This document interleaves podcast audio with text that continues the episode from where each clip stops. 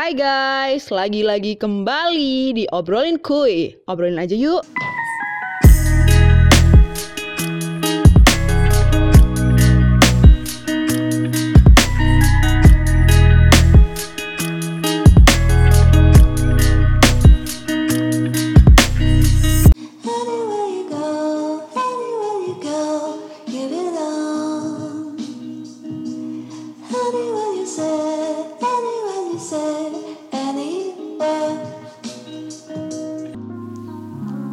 Hai guys, eh, episode kali ini nggak ngundang narasumber, jadi pure based on my history dulu banget. Jadi eh, sebenarnya aku agak sedikit aneh ya mau cerita tentang history aku gitu, cuman eh, ini buat seru-seruan aja dan juga mungkin nanti akan ada dari cerita aku gitu, dari pengalaman aku akan ada sebuah uh, ilmu yang bisa kalian gunain atau kalian manfaatkan gitu untuk menghadapi situasi yang sama yang mungkin kalian juga sedang rasakan gitu. Oke, nanti uh, maaf kalau misal di di tengah aku cerita mungkin aku ketawa atau mungkin uh, nada suara aku berubah atau apa pun gitu karena uh, sebenarnya agak aneh gitu loh seperti apa yang aku bilang tadi gitu karena uh, cerita ini bener-bener aku rasain sendiri dan istilah ini bener-bener uh, melekat dan sesuai banget dengan apa yang aku alamin.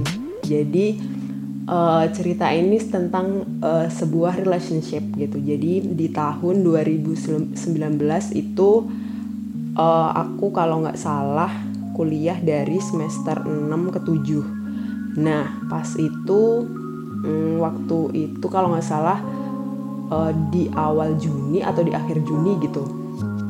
Itu pokoknya sekitaran itu deh di hari raya Idul Fitri itu setelah hari raya itu uh, emang dari kalender akademik mahasiswa yang dari semester 6 ke 7 itu waktunya melaksanakan KKN gitu jadi uh, KKN itu satu bulan dan emang di di semester itu tuh jadwalnya anak semester 6 tuh padat banget gitu. Mulai dari KKN dan juga PKL nah alhamdulillah banget aku uh, schedule-nya pas gitu dari KKN habis KKN itu KKN aku di Ngawi satu bulan. Habis itu jeda sehari bener-bener sehari aku langsung berangkat ke Jakarta untuk PKL selama satu bulan juga. Nah uh, ini bermula dari setelah hari raya uh, setelah hari raya itu aku kontakan sama temen aku SD bukan teman SD maksudnya teman les SD jadi kita dulu sama-sama les di salah satu bimbingan belajar buat persiapan naik ke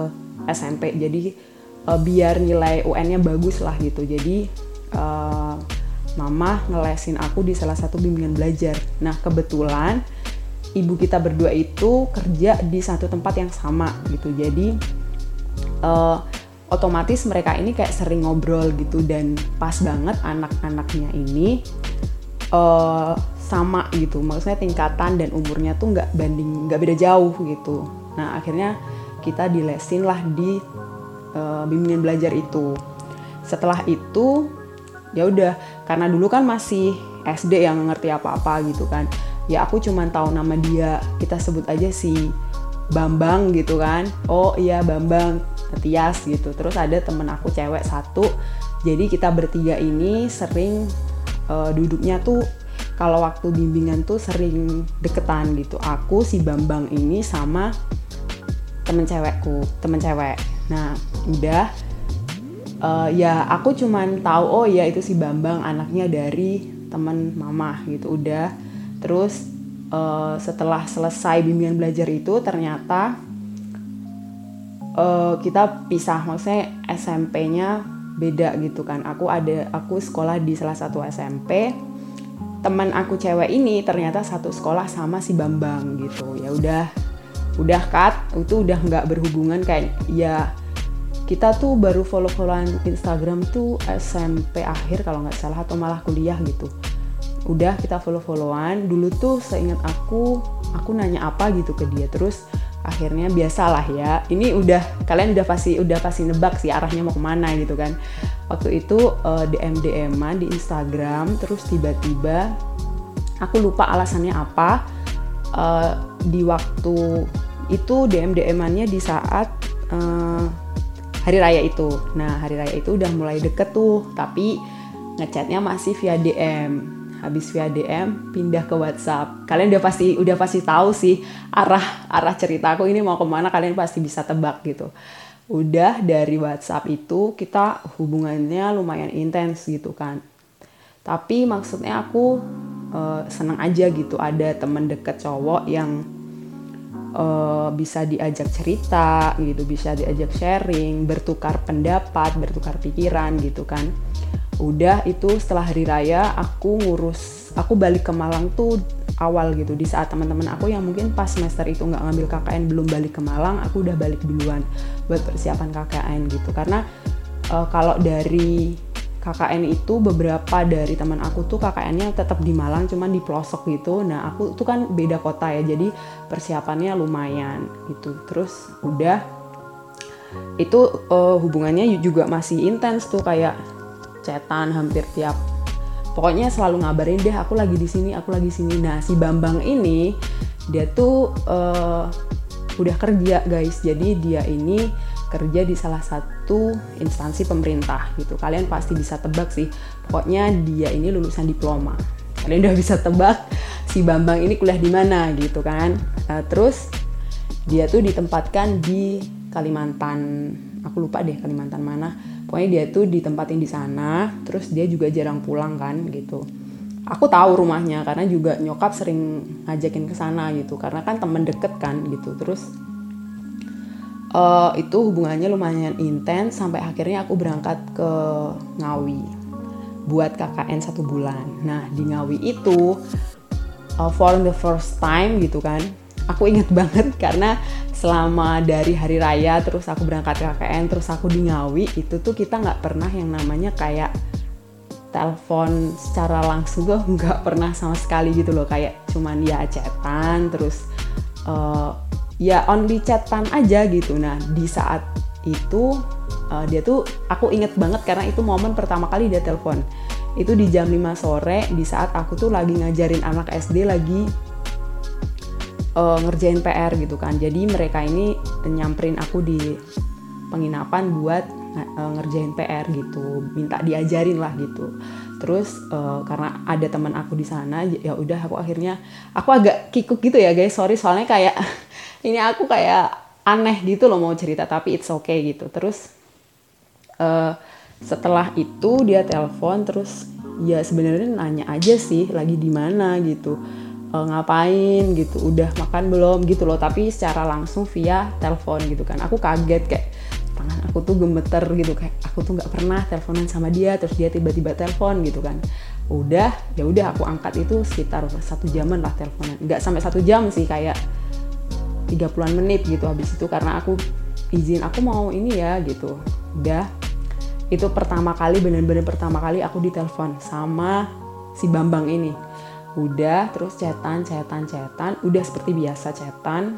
Itu tapi kayak ritmenya tuh intens gitu loh guys. Kayak misal aku bales jam 7 dia 7.15 udah bales. Misal aku jam ya pokoknya kalian pasti paham lah ya yang pernah PDKT udah tahu lah ya gitu. Nah udah karena kan kalau KKN itu kan jadwal pagi itu padet ya gitu. Kayak kita ke SD kita ngasih materi ngajarin terus habis dari SD kita makan main gitu loh. Kalau di KKN aku tuh nggak terlalu ketat gitu karena emang KKN-nya KKN mandiri kan jadi terserah.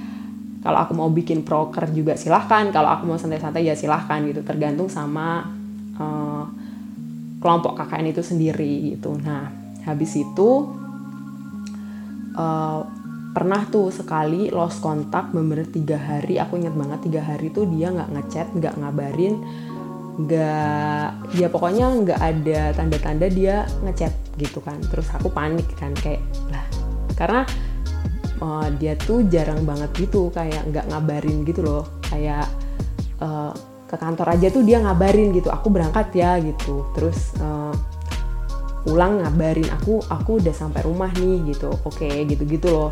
Nah tiga hari tuh dia bener-bener nggak ngabarin aku telepon tuh nggak diangkat aku WhatsApp tuh centang satu kan panik ya. Itu antara aku diblokir atau emang dia ganti nomor gitu. Dan itu aksesnya aku cuman bisa lewat WhatsApp gitu. Karena uh, aku tuh nggak kepikiran kalau bisa ngubungin lewat line. Ternyata nomor WhatsApp dia tuh terkonek sama line. Tapi aku nggak kepikiran karena ya udah selama ini fokus chat kita berdua kan via WhatsApp kan gitu. Terus ya udah akhirnya uh, aku hubungin selama tiga hari itu nggak nggak diangkat gak ada respon lah pokoknya. Terus uh, teman-teman KKN aku cewek tuh kan ya hafal gitu. Pasti ini anak pasti ada masalah kan gitu. Terus ada teman aku cewek nanya kamu kenapa ya gitu tumben banget kayak panik kayak nggak tenang gitu gitu. Terus aku ceritain kan.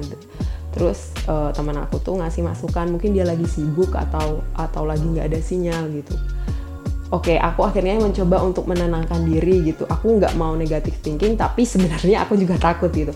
Nih anak ngapain ya tumben banget nggak bales chat gitu kan? Terus aku inget banget itu di hari minggu. Di hari minggu itu uh, dia centang. Chat chatnya tuh centang biru gitu. Terus dia hmm, bales gitu. Itu aku inget, inget banget maghrib dia balas terus kayak maaf ya aku nggak bales chat soalnya aku lagi di pantai sama teman-teman terus nggak ada sinyal. Aku tenang tenang tenang. Pokoknya dia nenangin gitu loh pokoknya aku nggak nggak apa apa kok aku baik baik saja gitu. Pokoknya dia bilang gitu kan. Terus nanti kalau aku udah di kota nih udah balik ke kosan nanti aku telepon ya gitu. Udah dia pulang dia pulang terus dia langsung telepon langsung telepon aku udah di kosan. Uh, maaf ya kemarin aku nggak sempet ngomong kalau aku mau pergi gitu.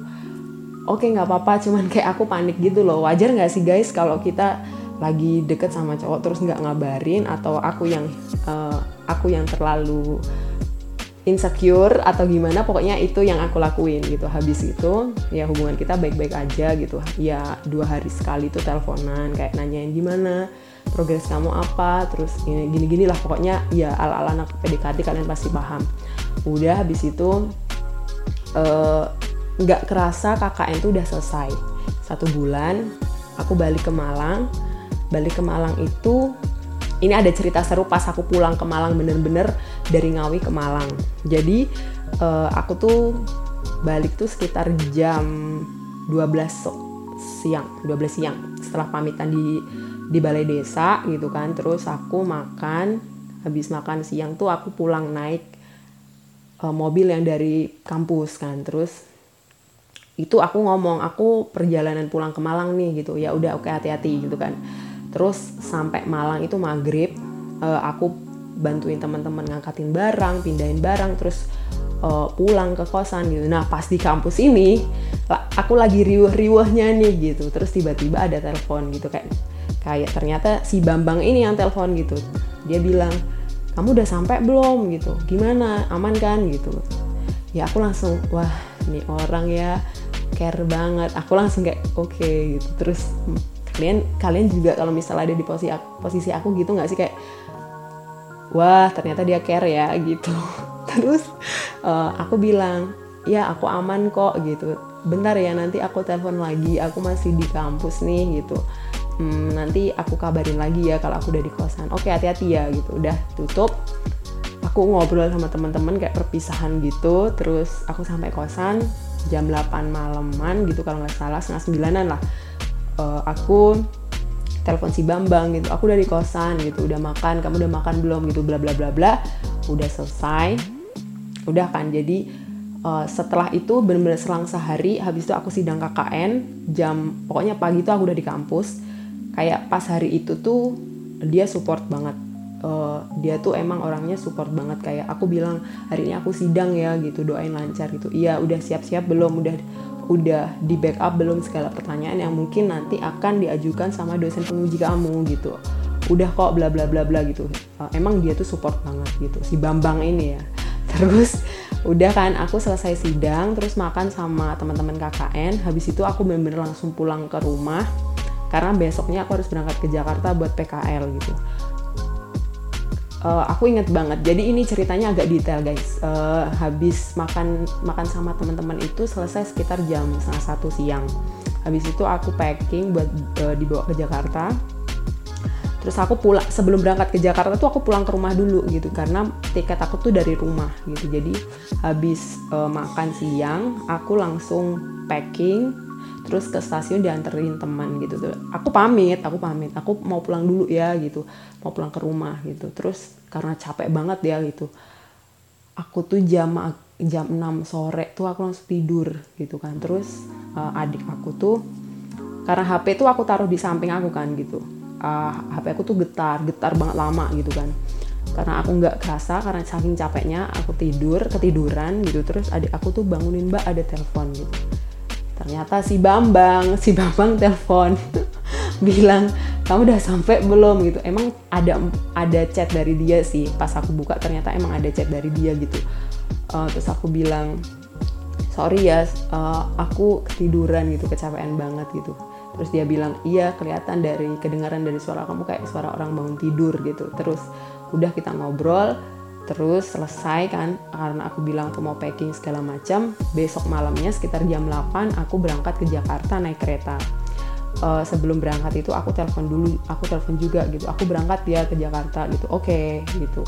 Udah aku berangkat itu sekitar jam 11 malam dia telepon lagi karena di kereta tuh sinyalnya rada susah. Uh, aku chat aja ya gitu. Suara kamu nggak kedengeran gitu. Ya oke okay, gitu. Kita pindah ke chat. Habis itu sampai di Jakarta terus aku bilang ya pokoknya ngabarin terus lah intens terus lah selama di Jakarta. Terus aku inget banget di tanggal 15 Agustus 2019 itu pokoknya hari Kamis kalau nggak salah. Hmm, hari Kamis inget banget guys karena momen itu tuh nggak akan pernah aku lupakan. Cerita itu juga nggak akan pernah aku lupakan gitu. Jadi 15 Agustus itu hari Kamis harusnya aku ke kantor buat ngerjain data segala macam. Pokoknya jam uh, hari kerja kan gitu. Terus uh, aku tuh di Jakarta tuh uh, nyewa apartemen buat empat orang karena jatuhnya lebih hemat dan juga fasilitasnya udah lengkap. Terus di depan apartemen tuh juga ada busway gitu. Jadi uh, lebih murah dan juga akses ke kantor tuh nggak ribet gitu loh. Karena busway-nya itu bener-bener turun di depan kantor. Jadi kita tinggal nyebrang gitu kan jatuhnya malah lebih hemat gitu. Terus uh, satu apartemen tuh isinya empat orang cewek semua. Terus pas aku ngomong aku besok mau ketemuan gitu kan. Terus tiga orang temen aku tuh rela nggak ke kantor gitu loh. Karena demi uh, uh, demi ya udah kalau Tias nggak ke kantor kita nggak usah ke kantor aja gitu. Jadi hari Kamis tuh nggak ada yang ke kantor kita ngerjain data dari apartemen. Aku ngerjain data dari apartemen terus uh, ini apa namanya selesai sekitar jam 3 tuh aku udah siap-siap kayak setrika baju, setrika kudung segala macam.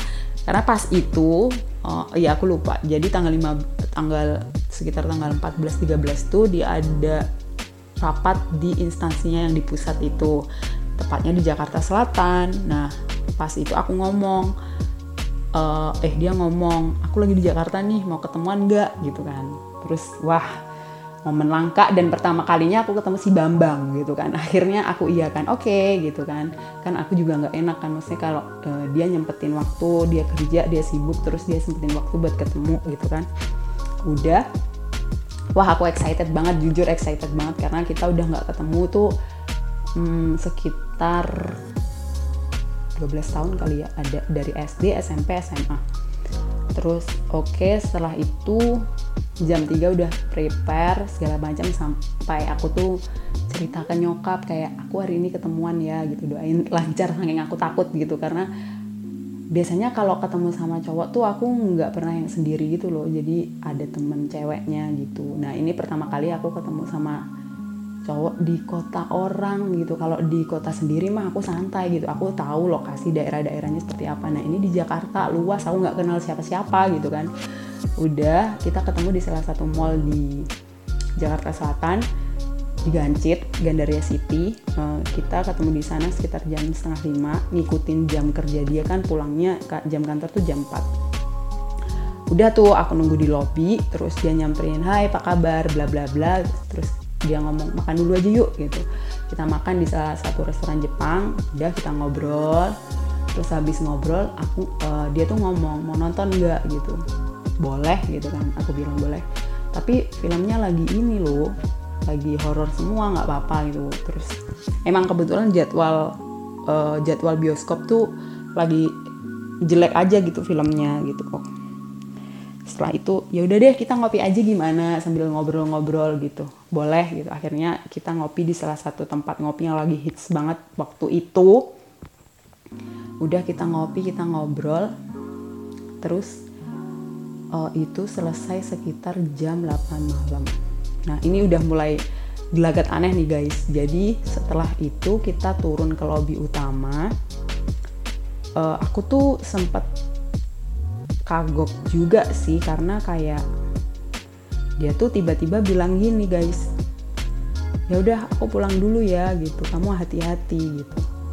Aku pikir aku pikir gi- eh, karena sebelum sebelumnya tuh aku juga pernah deket sama laki-laki kan kayak ya mungkin setiap setiap eh, orang tuh punya cara sendiri untuk memperlakukan orang yang sedang dekat dengan dia gitu. Nah dia tuh tiba-tiba pamit aja gitu loh. Kayak oke aku pulang dulu ya gitu. Aku kira ekspektasiku gitu ya aku pesan gojek dulu terus hmm, dia udah pesan dulu Gi gitu. Aku kira kayak gitu gitu. Terus aku tunggu eh, kita barengan aja pesan gojeknya gitu. Ternyata dia udah pesan gojek duluan gitu. Aku tuh nggak tahu kalau ternyata dia pulang duluan terus kayak aku sepanjang perjalanan mau pulang ke apartemen tuh agak mikir juga sih emang gini ya caranya gitu. Kayak wah mes banget aku gitu. Udah eh, sampai apartemen masih chattingan tuh kayak udah sampai belum? Aman kan? Gitu aman gitu gitu terus waktu itu pernah jadi hampir eh, satu Jakarta Selatan apa seluruh Jakarta aku nggak ngerti waktu itu pernah mati lampu di maghrib sampai pokoknya lama deh gitu. Terus ya kita masih chattingan masih kayak ya pokoknya intens lah gitu. Selama di Jakarta tuh intens gitu. Sampai akhirnya aku pulang pulang ke Malang. Wah itu udah udah tanda-tanda hubungan kita kurang baik tuh waktu itu Agustus. Agustus itu aku pulang di tanggal uh, September. Jadi agak telat. Harusnya tanggal 30 tiga iya tanggal 30 Agustus tuh aku udah pulang tapi karena ada sesuatu yang harus diurus kita pulangnya tuh uh, September. Di tanggal 5 atau 6 aku lupa gitu. Nah di September itu hmm, emang setelah pulang dari Jakarta itu emang jadwalnya padat banget gitu. Kayak kita harus ngurusin laporan PKL itu terus kita harus prepare buat hmm, workshop gitu. Jadi uh, kayak praktikum lapangan gitu yang di mana semuanya kayak rancangan awal terus uh, sketsa pokoknya segala macam lah itu kita yang urus angkatan kita gitu. Nah udah tuh itu September. Semester 7 September aku inget banget. Terus uh, September itu pokoknya kerja rodi deh pokoknya aku. Dari nyelesain laporan PKL bolak-balik jurusan terus persiapan buat workshop itu gitu. Sampai aku tuh nggak ngerasa kalau hubungan kita itu merenggang gitu. Biasanya tuh ya pagi chatting terus telepon teleponan di malam hari terus kayak ngabarin gitu. Karena di September tengah-tengah itu September atau Oktober gitu ya aku lupa deh. Pokoknya eh, hubungan kita itu sudah mulai merenggang. Oh oh aku aku baru inget guys. Jadi rangkaiannya itu eh, abis dari Jakarta itu selang seminggu kalau nggak salah aku pulang ke rumah. Nah pulang ke rumah itu di saat ternyata dia juga pulang gitu kan Uh, tapi itu hubungan kita juga udah nggak sedekat dulu gitu. Jadi itu kayak dia ngabarin aku tanggal sekian pulang ya gitu. Oke mau ketemu nggak? gitu. Boleh gitu. Udah uh, jadi waktu itu aku sempetin. Dia pulang duluan terus aku di Sabtu atau minggunya aku baru pulang gitu kan. Terus uh, tapi itu masih 50-50 antara jadi nggak jadi nggak gitu loh. Nah itu uh, aku inget banget. Jadi waktu sore aku keluar sama adik-adik buat ya eh, nongkrong lah gitu nongkrong bertiga terus mm, sampai rumah tuh maghrib dia ngabarin gitu ketemu ya gitu habis isya gitu.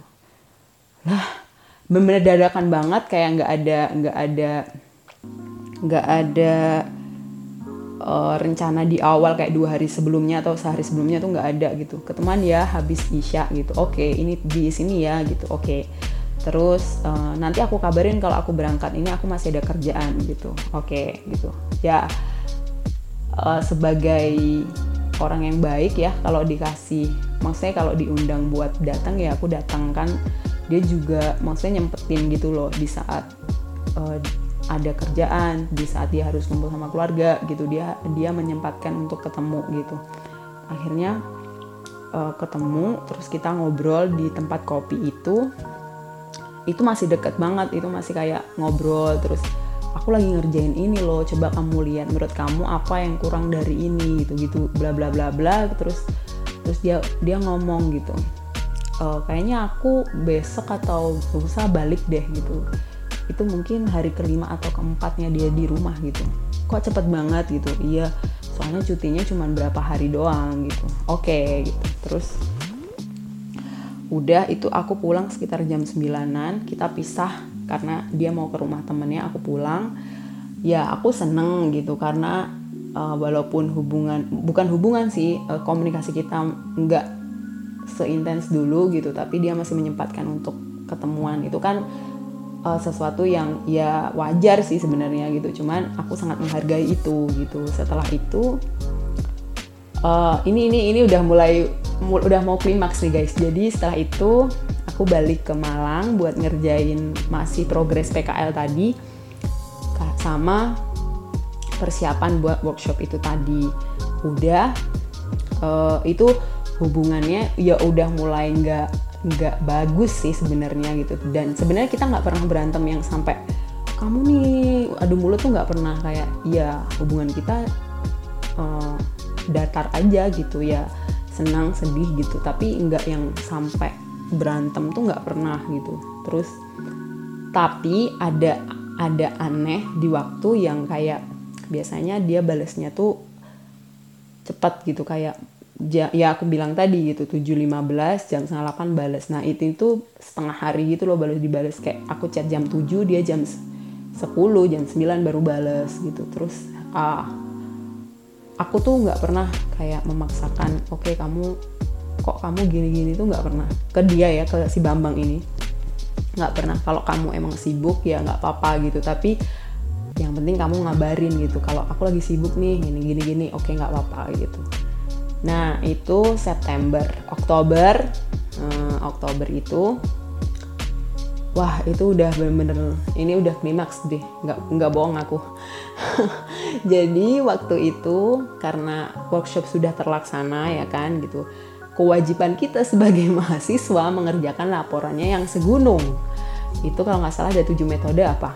Nah itu harus kita benar-benar mikir sendiri karena itu pribadi ya individu gitu ya. Jadi ya emang waktu di lapangannya tuh berkelompok pakai data yang sama. Cuman uh, pembahasannya kan nggak mungkin sama gitu. Akhirnya mau nggak mau ya kita harus mengolah kata-kata terus bikin interpretasi yang berbeda dengan teman-teman kita kan.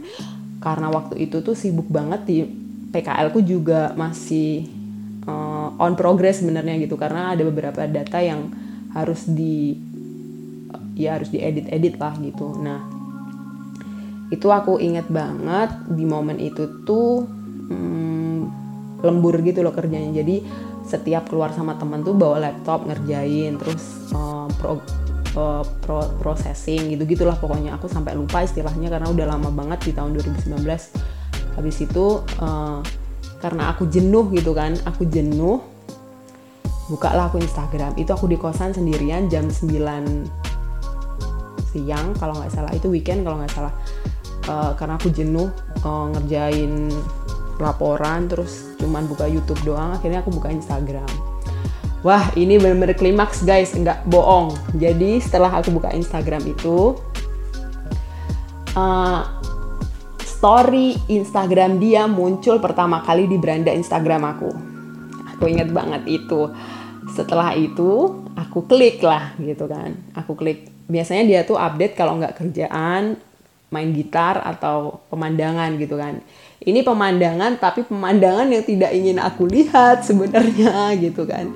Eh, ternyata dia upload sama perempuan guys. Wah aku pada saat itu tapi aku masih yang biasa aja gitu loh. Karena aku orangnya agak lama gitu mikirnya loadingnya tuh lama gitu. Karena pas itu kan beban dia tuh bukan prioritas untuk saat itu gitu jadi waktu itu untungnya alhamdulillahnya gitu pekerjaan aku lagi banyak gitu kayak harus nyelesain PKL, harus nyelesain laporan workshop yang banyak itu gitu. Jadi dia tuh bukan prioritas aku di saat itu gitu. Kalau mau dia bales ya syukur, kalau enggak juga silahkan gitu kan. Udah aku lihat kan, udah aku lihat, terus aku next next next gitu. Aku belum mikir kayak dia siapa ya gitu. Enggak, aku biasa aja gitu. Terus aku tutup Instagram, terus aku diem, di situ aku baru sadar itu baru satu atau dua jam selanjutnya. Lah dia siapa gitu kan? Wah itu aku langsung kalang kabut tuh panik. Wah dia siapa ya gitu kan? Terus aku cuman tapi aku nggak nggak nggak galau yang dulu waktu sebelum itu tuh aku pernah suka sama orang yang sampai galaunya tuh malam galau pagi galau gitu siang galau gitu. Tapi yang ini tuh kayak ya mungkin karena aku sibuk dan prioritas utama tuh bukan dia gitu. Terus kayak waduh dulu tuh belum ada istilah ini guys. Jadi kenapa aku bahas istilah ini? Karena istilah ini uh, kenapa aku balik uh, cerita tentang histori aku? Karena histori aku ini relate sama yang namanya di ghosting udah kalian udah paham uh, cerita aku ini mengarah ke mana itu di ghosting. Ternyata dia baru aja aku buka lagi tuh Instagram ternyata dia baru jadian kalau nggak salah. Lagi meng, me, me, memulai sebuah hubungan dengan perempuan lain. Wah itu langsung bener-bener aku coba tenang dulu relax oke. Okay. uh, eh, aku coba menerima kenyataan oke okay, gitu kan. Terus wah aku, ya kecewa pastilah guys. Kayak kalian bayangin dia tiap hari ya walaupun kita LDR ya Kalimantan Malang gitu kan. Tapi kan bayangin aja kayak setiap jam terus selalu ngabarin terus teleponan gitu. Ternyata itu semua tidak menjamin guys gitu. Dan aku tuh baru sadar setelah aku lulus kuliah. Ternyata aku dulu pernah di ghosting ya gitu. Wah aku lama banget ya loadingnya. Berapa tahun tuh? 20, 2019 sampai 2020 aku lulus di 2020 udah. Uh, sejak itu uh, hubungan kita kurang baik. Maksudnya ya chat dia cuman aku read doang terus Instagram juga sering aku blokir. Bahkan sampai sekarang kayaknya aku blokir gitu. Terus karena aku nggak mau uh, mungkin kalian akan punya pandangan yang berbeda dengan apa yang aku sampaikan gitu. Mungkin karena aku nggak mau uh, suatu saat nanti atau mungkin next time gitu uh, kayak aku kecenderungan gitu kayak setiap lihat dia dia upload sesuatu itu terus aku marah moodku kurang baik di saat aku harus kerja di saat aku harus mengerjakan project atau yang lainnya gitu. Jadi aku nggak mau itu nanti akan membawa toxic di hidupku gitu. Makanya aku blokir dia gitu. Udah hmm, aku udah jadi itu tuh galau galau aku tuh cuman sebentar gitu. Kayak oh masih shock pasti kaget pasti gitu. Cuman cuman galauku tuh nggak lama gitu karena ya itu tadi gitu pekerjaan aku banyak kerjain laporan workshop progres PKL terus OTW ke skripsi juga gitu. Jadi banyak yang harus dikerjakan jadi itu sedikit terlupakan itu. Alhamdulillah banget ternyata Allah baik banget. Terus hmm, di Desember itu aku mikirnya kayak dia tuh udah tahu ulang tahun aku tanggal berapa gitu. Aku masih berharap gitu kayak kayaknya dia bakal ngucapin deh gitu kan. Uh, ngucapin ulang tahun aku gitu. Di usia 21 tahun ya berarti. Ya 21 tahun gitu. Ternyata enggak gitu kayak uh, kayak dia tuh kayak nggak pernah merasa uh, membuat hati anak orang tuh sakit gitu. Kayak dia nggak ngerasa itu gitu. Atau aku yang mungkin aku yang terlalu berharap atau apa ya tapi setidaknya tuh bersikaplah dewasa gitu. Udah ternyata dia nggak ngucapin tapi eh, itu tidak masalah banget buat aku gitu nggak apa-apa oke gitu. Tapi aku membuka lembaran baru gitu. Sampai akhirnya Allah tuh baik banget ya gitu.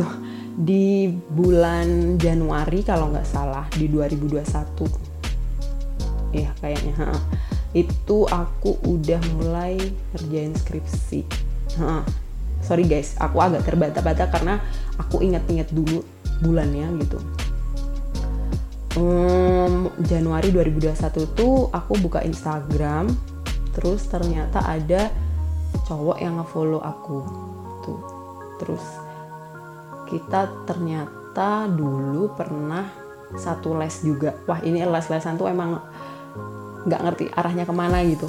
Jadi kita pernah satu les itu buat masuk ke salah satu sekolah kedinasan. Kalian pasti bisa tebak di mana karena mungkin di ber- berbagai kota eh, les-lesan ini bimbingan belajar ini sudah dibuka. Karena sekolah kedinasan ini pada waktu itu emang hits banget. Kalian bisa tebak itu di mana. Pokoknya menterinya perempuan. Heh udah udah aku spill tipis nih. Menterinya perempuan tapi bukan ibu Retno Marsudi bukan. Yang satu. Kalian bisa tebak siapa menteri eh, menterinya siapa kementeriannya apa. Udah aku les di sana. Aku juga les eh, buat kelas 3 buat naik eh, cari kuliah SBM dan juga mandiri gitu. Kita satu les di sana satu kelas tapi aku nggak pernah ngeh karena kelas eh les eh, SMA aku sama SMA dia tuh musuh gitu. Kayak kita tuh eh, crash aja gitu. Walaupun sebenarnya juga baik-baik aja sih gitu tapi aku ngerasa aku beda geng sama dia gitu udah pada waktu itu oke gitu. Ternyata dia di Januari itu follow Instagram aku. Terus tanpa diduga tanpa disangka aku kaget juga gitu. Ternyata dia reply story Instagram saya. Wah itu. Tapi ya karena ada pengalamannya sebelumnya itu aku udah kayak males ah gitu. Nanti pada akhirnya seperti ini lagi gitu. Ternyata perghostingan ini dimulai lagi males banget gitu. Buang waktu buang-buang tenaga gitu kan. Itu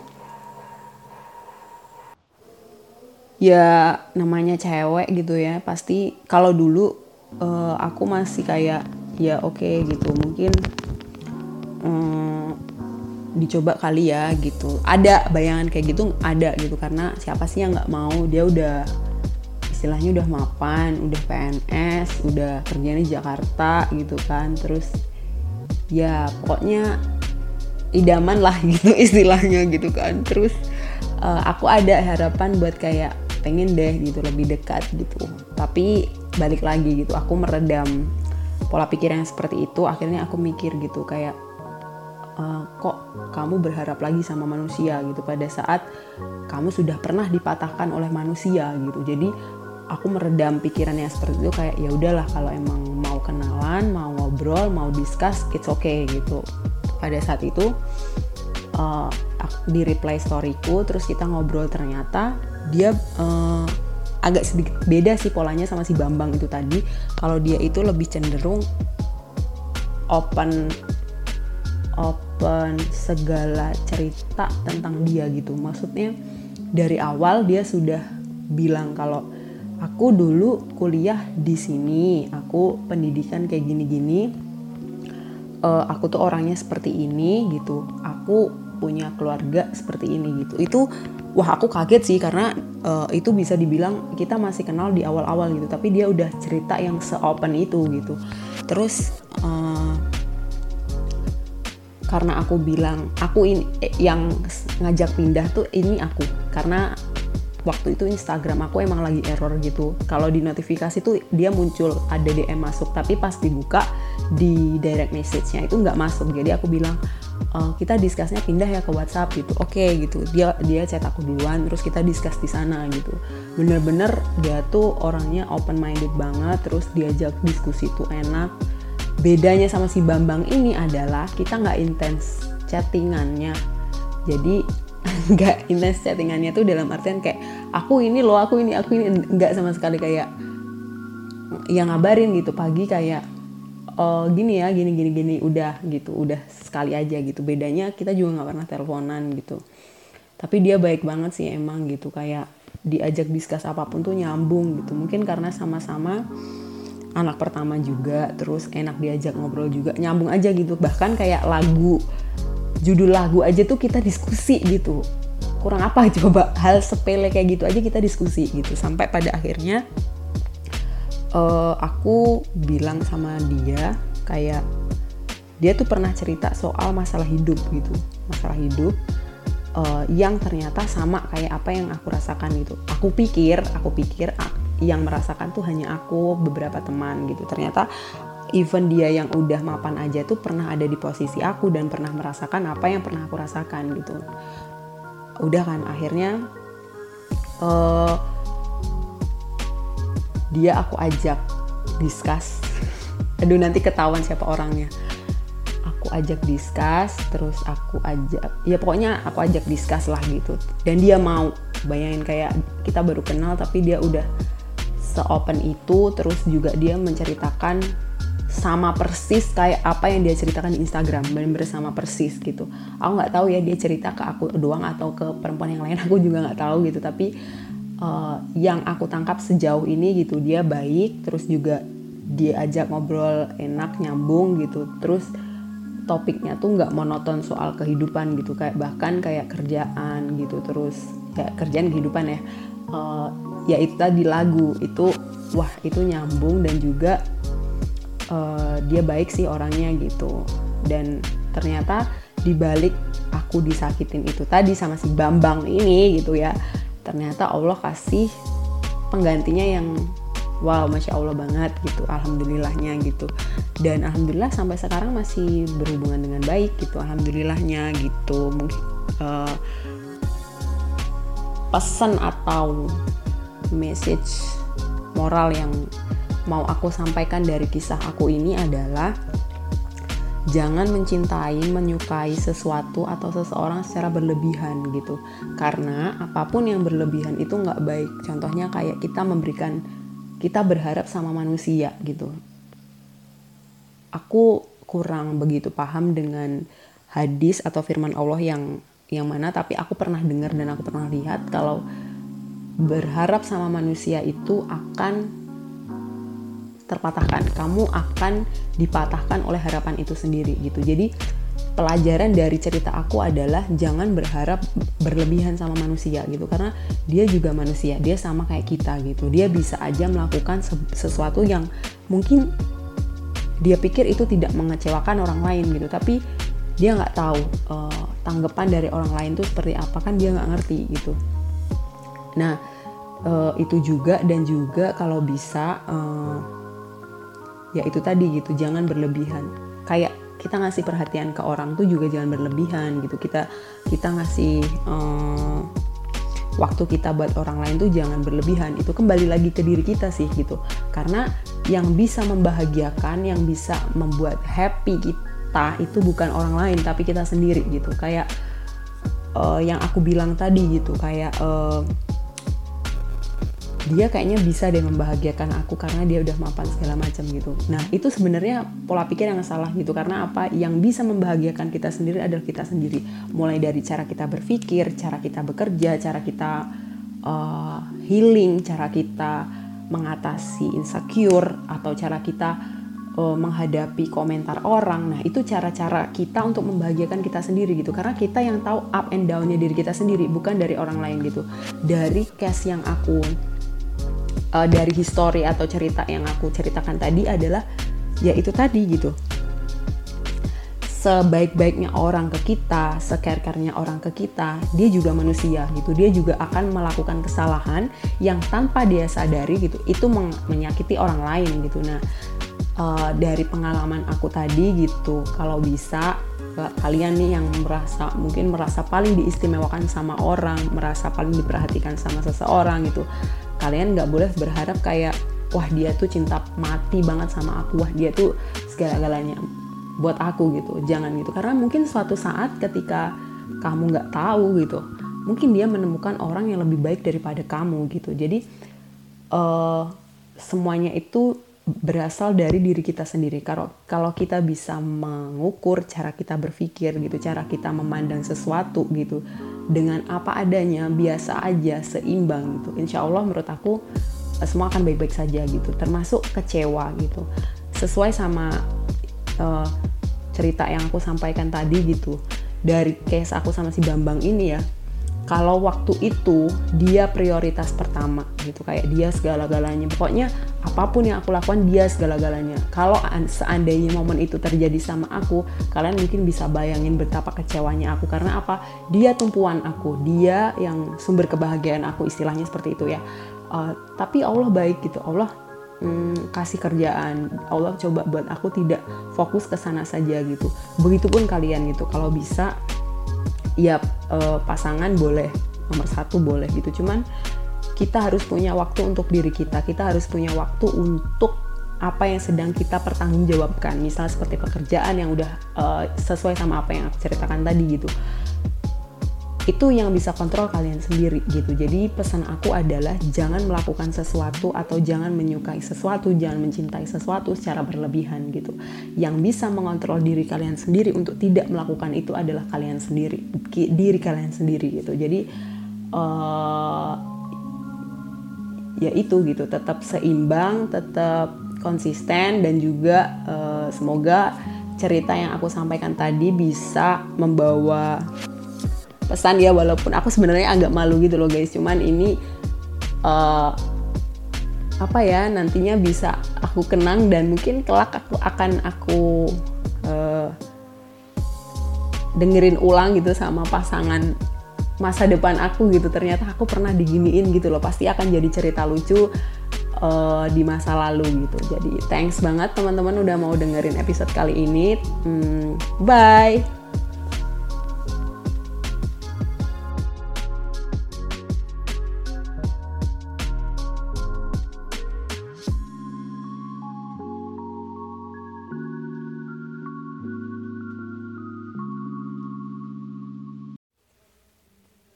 Oh iya, sebelum closing aku mau ngucapin terima kasih banyak kepada teman-teman eh, yang selama ini sudah mendukung obrolin kuy, udah setia banget dengerin obrolin kuy, terus udah mau ngasih saran, pendapat, terus dukungan lewat Instagram dan juga eh, yang lainnya gitu. Terima kasih banyak buat semuanya karena tanpa kalian gitu. Mungkin obrolin kuy akan stuck di tempat dan juga tidak berkembang gitu. Terima kasih banyak dan juga buat narasumber-narasumber keren aku terima kasih karena sudah membagikan cerita kalian melalui obrolin kuy Eh, emang beberapa dari narasumber ini emang baik banget nggak beberapa sih semuanya baik banget karena udah mau sharing cerita mereka cerita pribadi mereka yang mungkin selama ini mereka uh, tidak ceritakan ke yang lain dan mereka sharing di obrolin kuy gitu. Semoga hmm, belum satu bulan ini gitu ya obrolin kuy udah tembus di 210 listeners gitu. Jadi terima kasih banyak. Semoga ke depannya uh, obrolin kuy bisa menyajikan obrolan-obrolan yang menarik yang bisa kalian dengarkan yang berkualitas baik dan juga ke depannya semoga obrolin kuy makin bagus karyanya terus juga kualitasnya makin bagus bagus bagus makin baik terus juga eh, topik-topik yang akan dibahas makin relevan dengan kehidupan kalian pastinya. Nah kalau kalian ada saran ada ide atau hmm, pendapat atau apa pun yang mau didiskus sama aku boleh banget. Kalian bisa hubungin atau DM aku via Instagram di tias underscore duika t i y a s underscore duika Terima kasih banyak teman-teman. Oke, segitu dulu episode kali ini. Semoga menginspirasi kalian dan jangan lupa untuk terus dengerin obrolin kuy. Obrolin aja yuk.